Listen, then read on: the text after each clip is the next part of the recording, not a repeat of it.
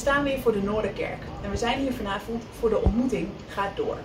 Het thema is vanavond op reis en daarbij lezen we de Bijbeltekst Hebreeën 12, vers 1 tot en met 3. Nu wij door zo'n menigte geloofsgetuigen omringd zijn, moeten wij ook de last van de zonde, waarin we steeds weer verstrikt raken, van ons afwerpen en vastberaden de wedstrijd lopen die voor ons ligt. Laten we daarbij de blik gericht houden op Jezus, de grondlegger en voltooier van ons geloof. Denkend aan de vreugde die voor hem in het verschiet lag, liet hij zich niet afschrikken door de schande van het kruis. Hij hield stand en nam plaats aan de rechterzijde van de troon van God.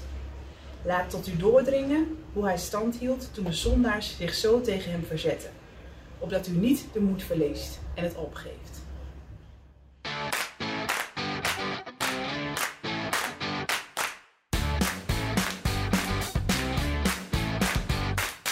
Staan vanavond weer in de Noorderkerk en helaas nog steeds niet voor de ontmoetingsdienst met een bomvolle zaal met bezoekers, maar online. De ontmoeting gaat door.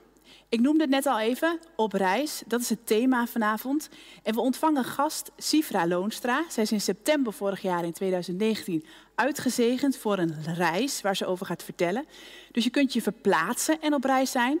Maar we gaan het ook echt hebben over Jezus volgen. En in navolging van Jezus op reis zijn, je geloofsleven ontwikkelen. Um, groeien in geloof op reis zijn. Daar hebben we het vanavond over. Mark van Vuren zal over dat thema spreken. En uh, laten we gewoon lekker beginnen. Dit is de ontmoeting gaat door. Wat fijn dat je kijkt en dat je erbij bent. Naast mij zit uh, Sifra Loonstra. Welkom. Ja, dankjewel. dankjewel. Leuk hè, zo'n uh, zo'n soort tv-show ineens. Ja, zeker, ja. Ik, uh, ik merk dat ik dan echt in, in deze setting ineens uh, de zenuwen door mijn lijf gieren. Omdat ik denk, nu, nu moet ik ineens allemaal juiste dingen zeggen. En um, dat geeft niet, dat hoeft niet. Dat nee, maakt niet precies. jij bent erbij, fijn dat je er bent. Yes. Ik noemde net al eventjes dat jij, uh, uh, je bent 18 jaar nu hè? Ja. En je bent vorig jaar uh, in oktober naar Australië gegaan. Ja. Je ging op reis en um, je ging op reis voor een DTS.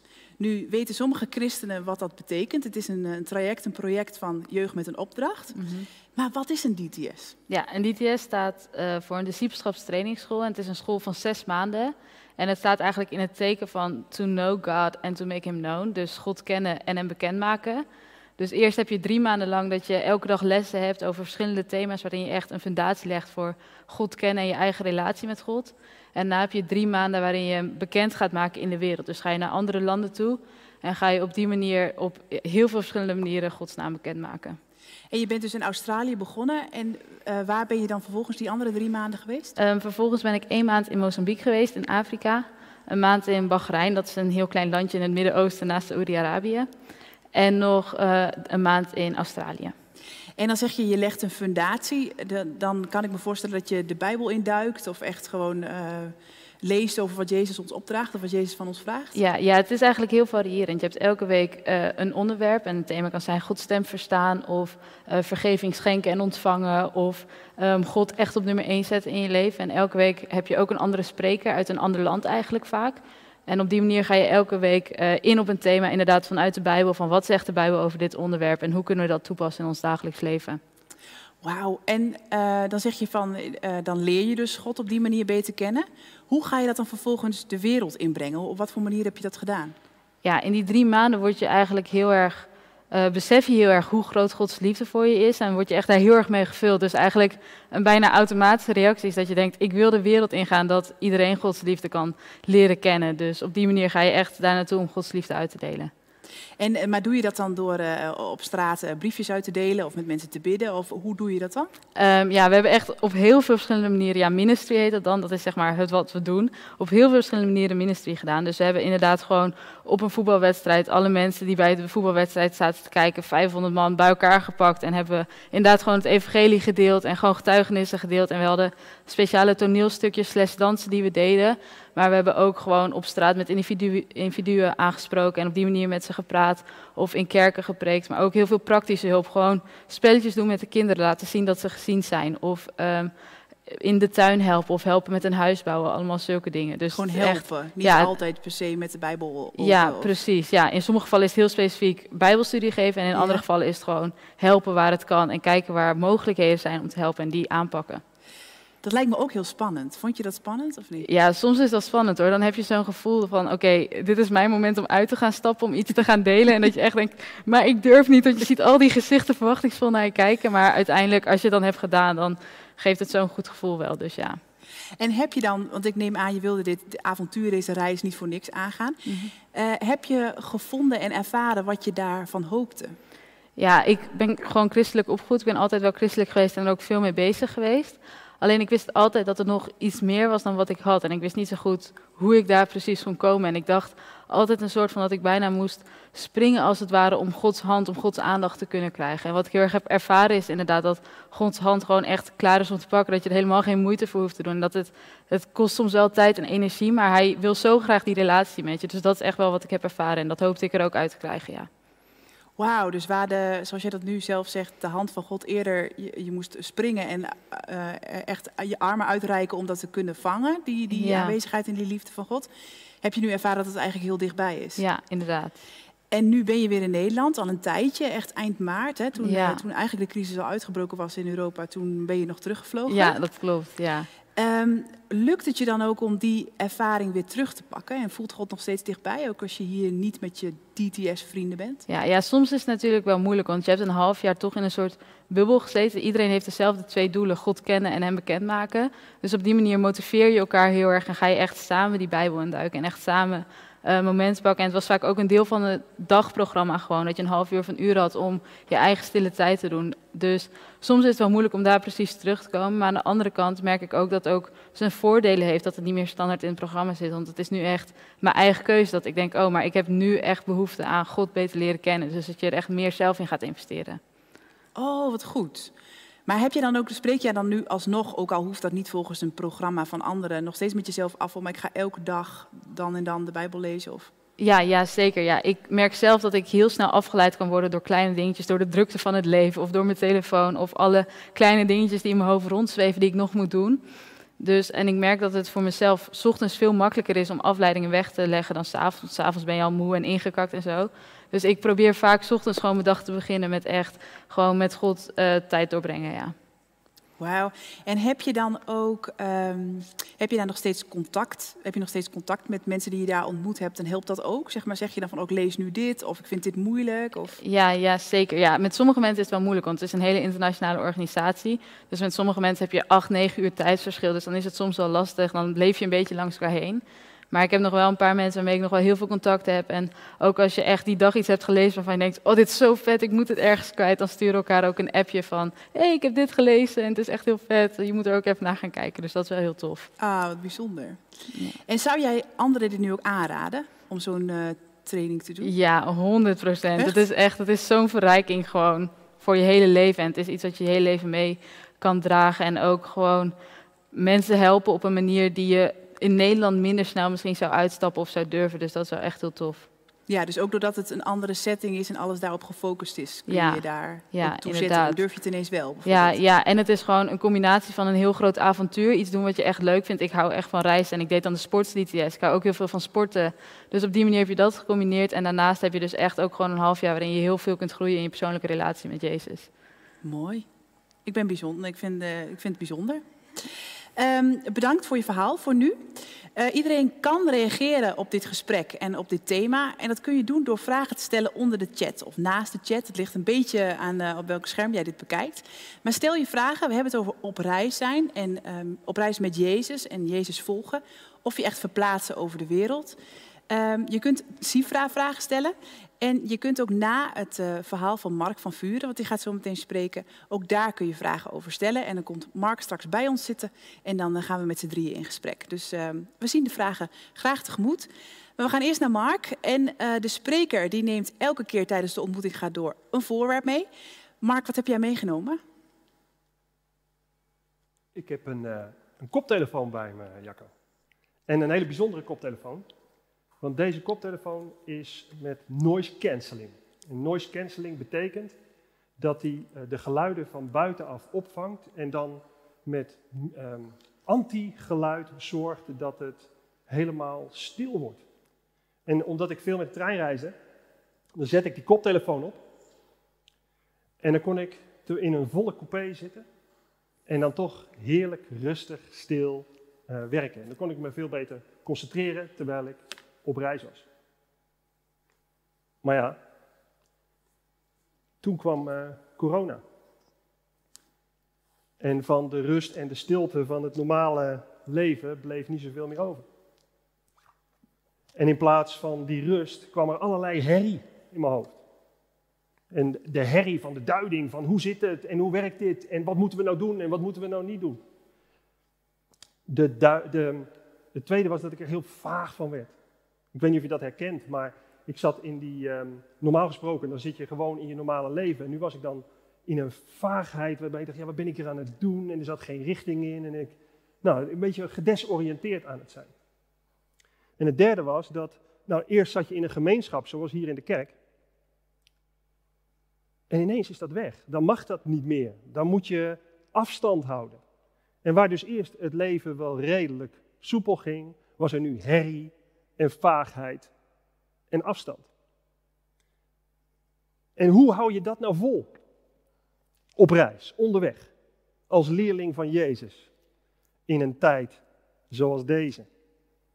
Nou, en dan blader ik graag naar de tekst die we al gelezen hebben, de brief aan de Hebreeën. Want het was precies het leven van de Hebreeuwse christenen. Een tijd van herrie, van vaagheid en van afstand. Herrie omdat zij als Joden um, van alle kanten ideeën kregen over hoe ze moesten leven nu ze christen werden.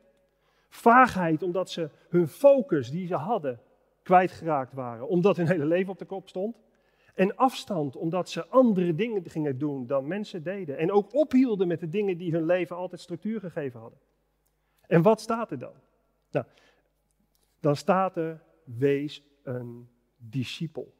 Ga gedisciplineerd die reis aan. En vooral aan het einde staat een fantastisch stuk, want dan in hoofdstuk 10 tot vers 19 tot 12 vers 13, als je dat stuk nog eens een keer naleest, dan zul je zien hoe je uitgenodigd wordt om, um, om gedisciplineerd door te gaan. ik wil daar een paar dingen uithalen. Kijk, wat, je, het, wat er staat in hoofdstuk 10 is dat er gezegd wordt, hou vol, doe Gods wil en krijg wat hij beloofd heeft. Dus hou vol, hoofdstuk 10. En dan in hoofdstuk 11 hangt daar een wolk van getuigen. Een wolk van voorbeeldgelovigen die jouw gemeenschap kunnen zijn. Een heel rare selectie van, uh, van mensen. Een immigrant, Abraham. Een hoer, Rahab. En een slaaf, Mozes. Die trouwens um, uh, geboren wordt door de hulp van een moedige voetvrouw die uh, Sifra heet. En dat is heel leuk, daar gaan die verhalen over. En dan op een gegeven moment wordt er gezegd: van ja, we hebben geen tijd meer om te praten over de koningen en de profeten, want we hebben al over de immigrant, de slaaf en de hoer gesproken. En, um, maar zij hebben, het, zij hebben het voorgeleefd, zij hebben het ook uh, gedaan. En dan is hoofdstuk 12, het gedeelte wat we lazen met Jacco, begint dan met, en nu is het jouw beurt. Het is een marathon, het is geen sprint, het is een marathon, maar nu is het jouw beurt.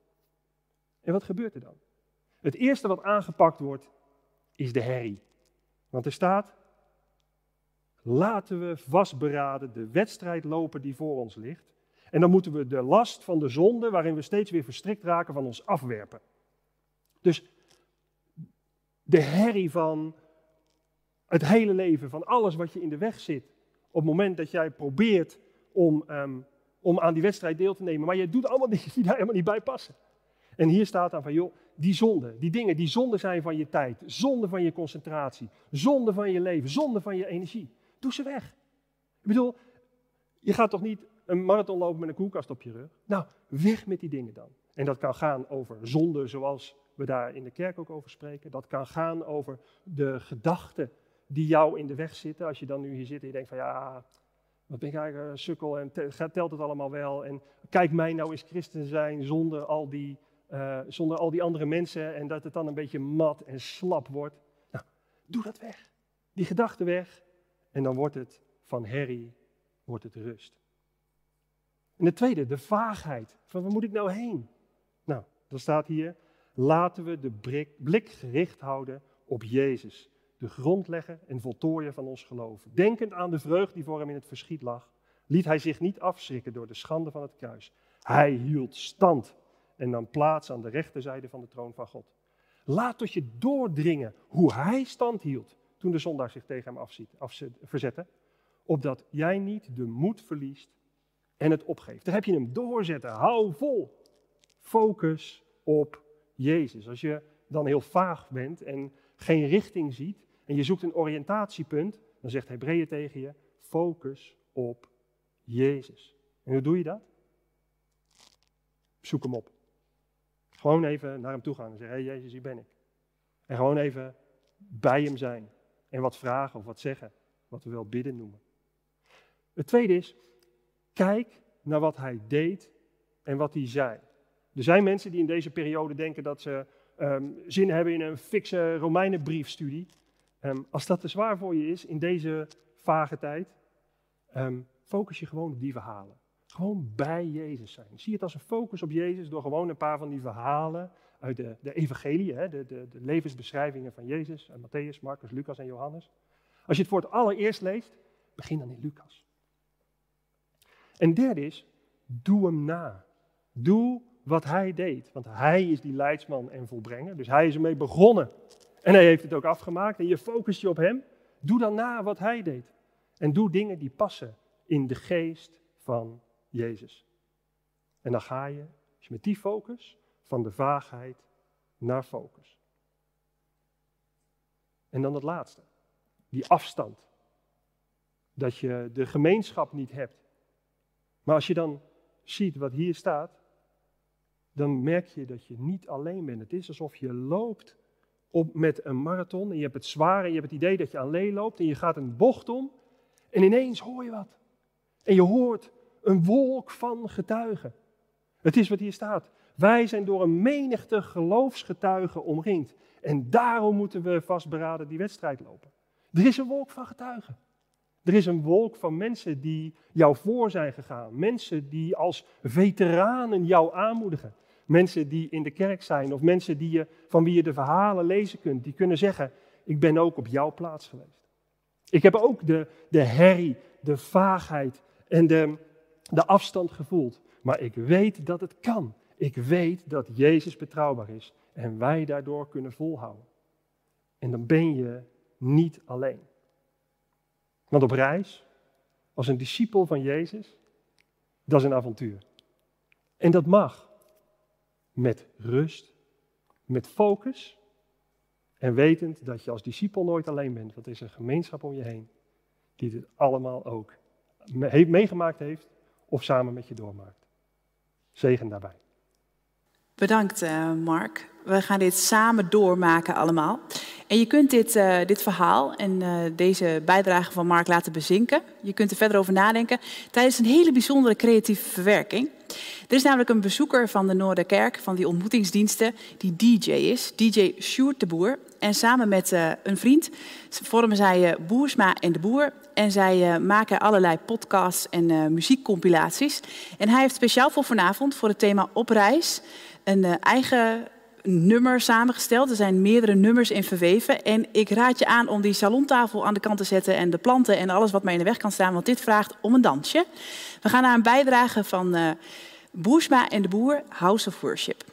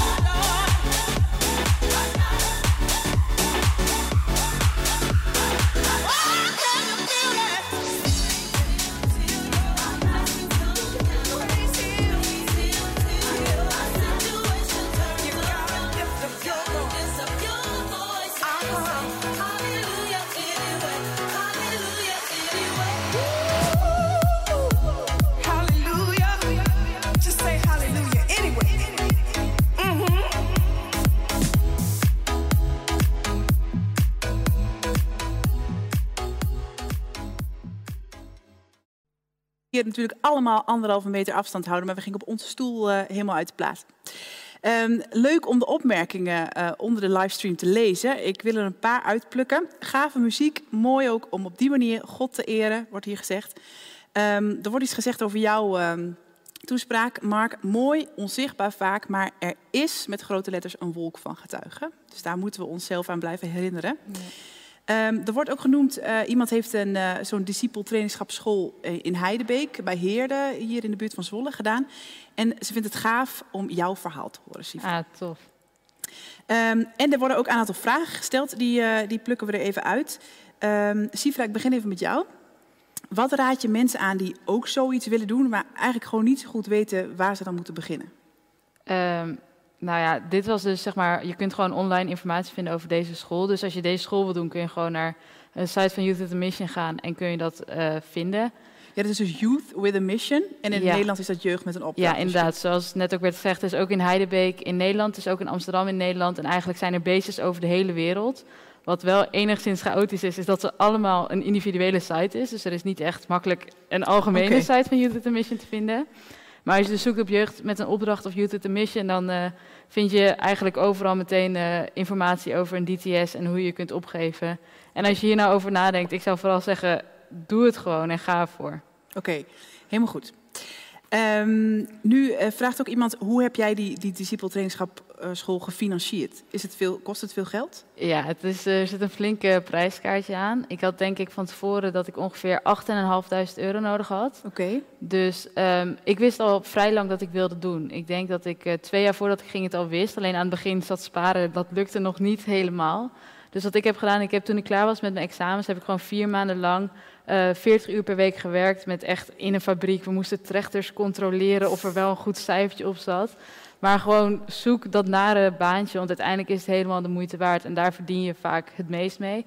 En daarnaast heb ik ook naar veel mensen om me heen uitgereikt en uitgelegd wat ik ben gaan doen. Uh, wat ik wilde gaan doen en uh, gevraagd of ze me dan ook willen sponsoren. En vaak zie je dat mensen er heel open voor staan en dat ze echt uit onverwachte hoeken opeens uh, financiering komt. Dus mensen dan ook wel bij willen dragen?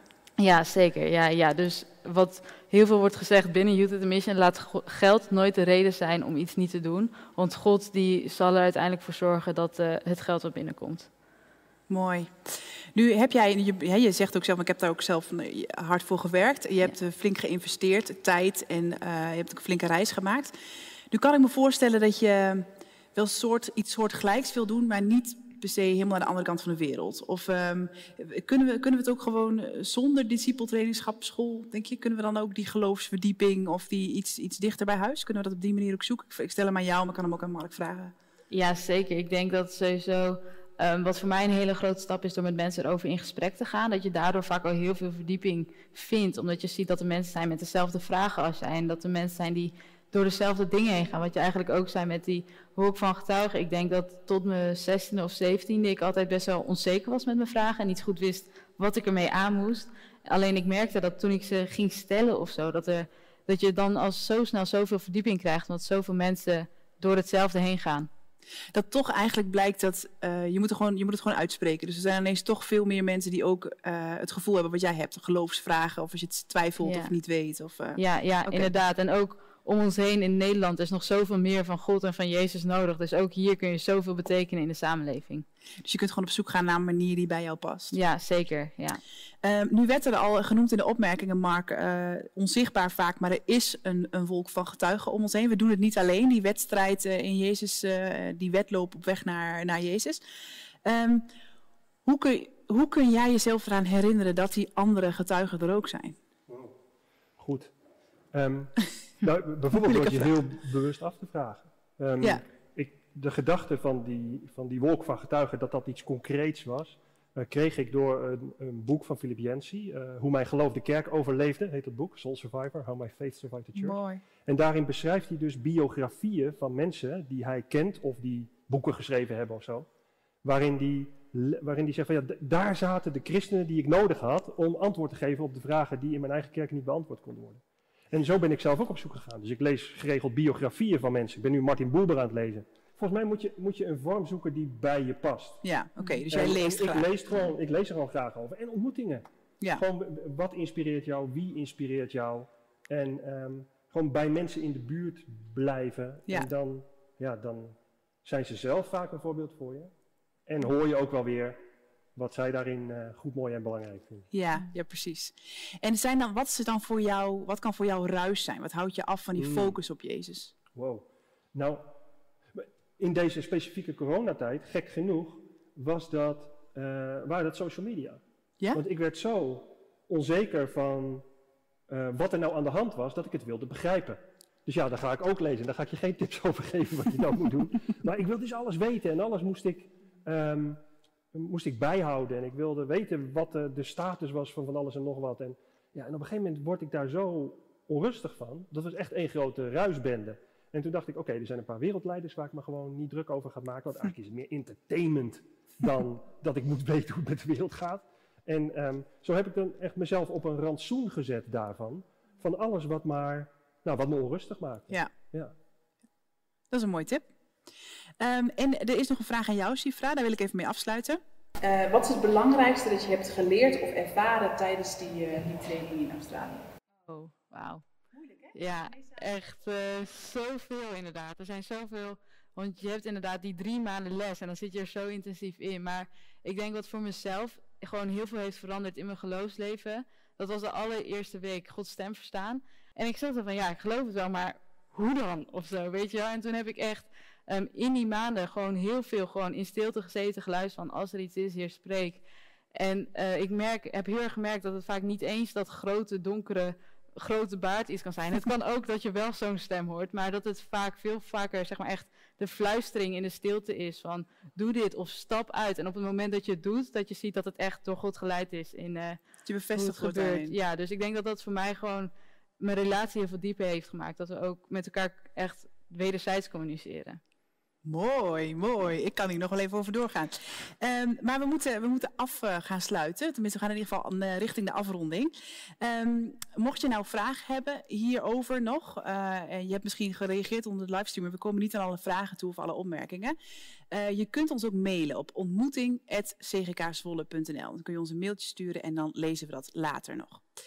Eh, we gaan naar de collecte, want we verwerken een eh, collecte in, eh, in deze dienst. We kunnen geen collectezakken zakken doorgeven, maar we willen jullie echt van harte aanmoedigen om een geldbedrag over te maken. En waar geef je dan aan? Je doneert aan een initiatief van het Leger des Heils bij Boshart. Dat is een inloophuis en ze omschrijven het zelf als een gezellig, laagdrempelig, huiselijke sfeer waar je elkaar kunt ontmoeten, een praatje kunt maken als je behoefte hebt aan contact of als je gewoon eh, ehm, eh, ja, mensen wil spreken en, en door wil praten, gewoon contact wil maken en mensen om je heen wil hebben. Wij steunen als kerk dat initiatief en eh, we moedigen je aan om daar ook aan bij te dragen. Bedankt daarvoor alvast. En dan gaan wij eh, samen voor deze uitzending en deze avond eh, danken. En dat doet Mark met ons in een gebed. Ja. Laten we danken. Onze Vader. Wat bent u goed. En wat danken we u voor het leven dat u aan mensen geeft. Dat u betrokken wil zijn dat u leiding wil geven, dat u spreken wilt. En dat u mensen ook aan elkaar gegeven hebt om gezamenlijk iets moois te maken van het leven zoals u het hebt bedoeld. Heer, en dan is het soms wel pittig. En dat ziet u ook. En soms is het ook echt heel erg moeilijk. En dan hebben we het over, over herrie en vaagheid en afstand. Maar er zijn ook hele, hele diepe problemen. En we willen het bij u neerleggen. Bij al die mensen die hier um, naar kijken. Die dit beluisteren. Die dit vanuit huis doen en misschien wel die afstand ervaren.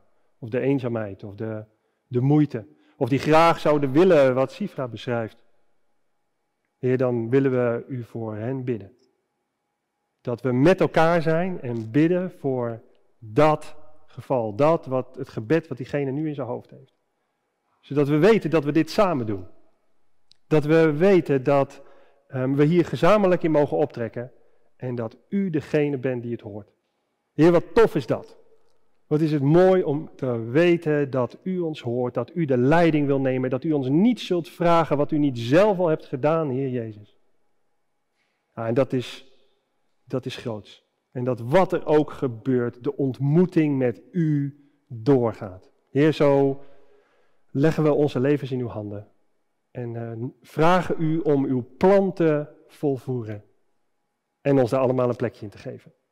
We bidden u om een hele mooie tijd. In de naam van Jezus. Amen. Bedankt uh, Mark, mooi. Ik wil je ook uh, bedanken voor je bijdrage vanavond in deze ontmoeting Ga Door. Ik wil jou ook bedanken Sifra, fijn, bedankt voor je persoonlijke verhaal. Yes. En House of Worship, bedankt muzikale bijdrage. En heb je nou ideeën, suggesties, wil je zelf meedoen aan de ontmoeting Ga Door? Dan kan dat. Je kunt een mailtje sturen naar ontmoeting.cgkswolle.nl En we zien jullie heel graag terug op 12 juli, zondagavond 12 juli. En dat is over twee weken.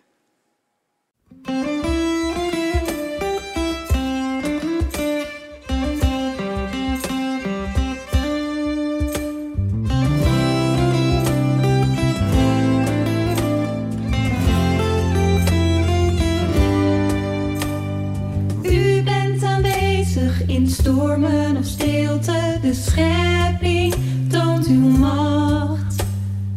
U bent aanwezig waar zon is of regen.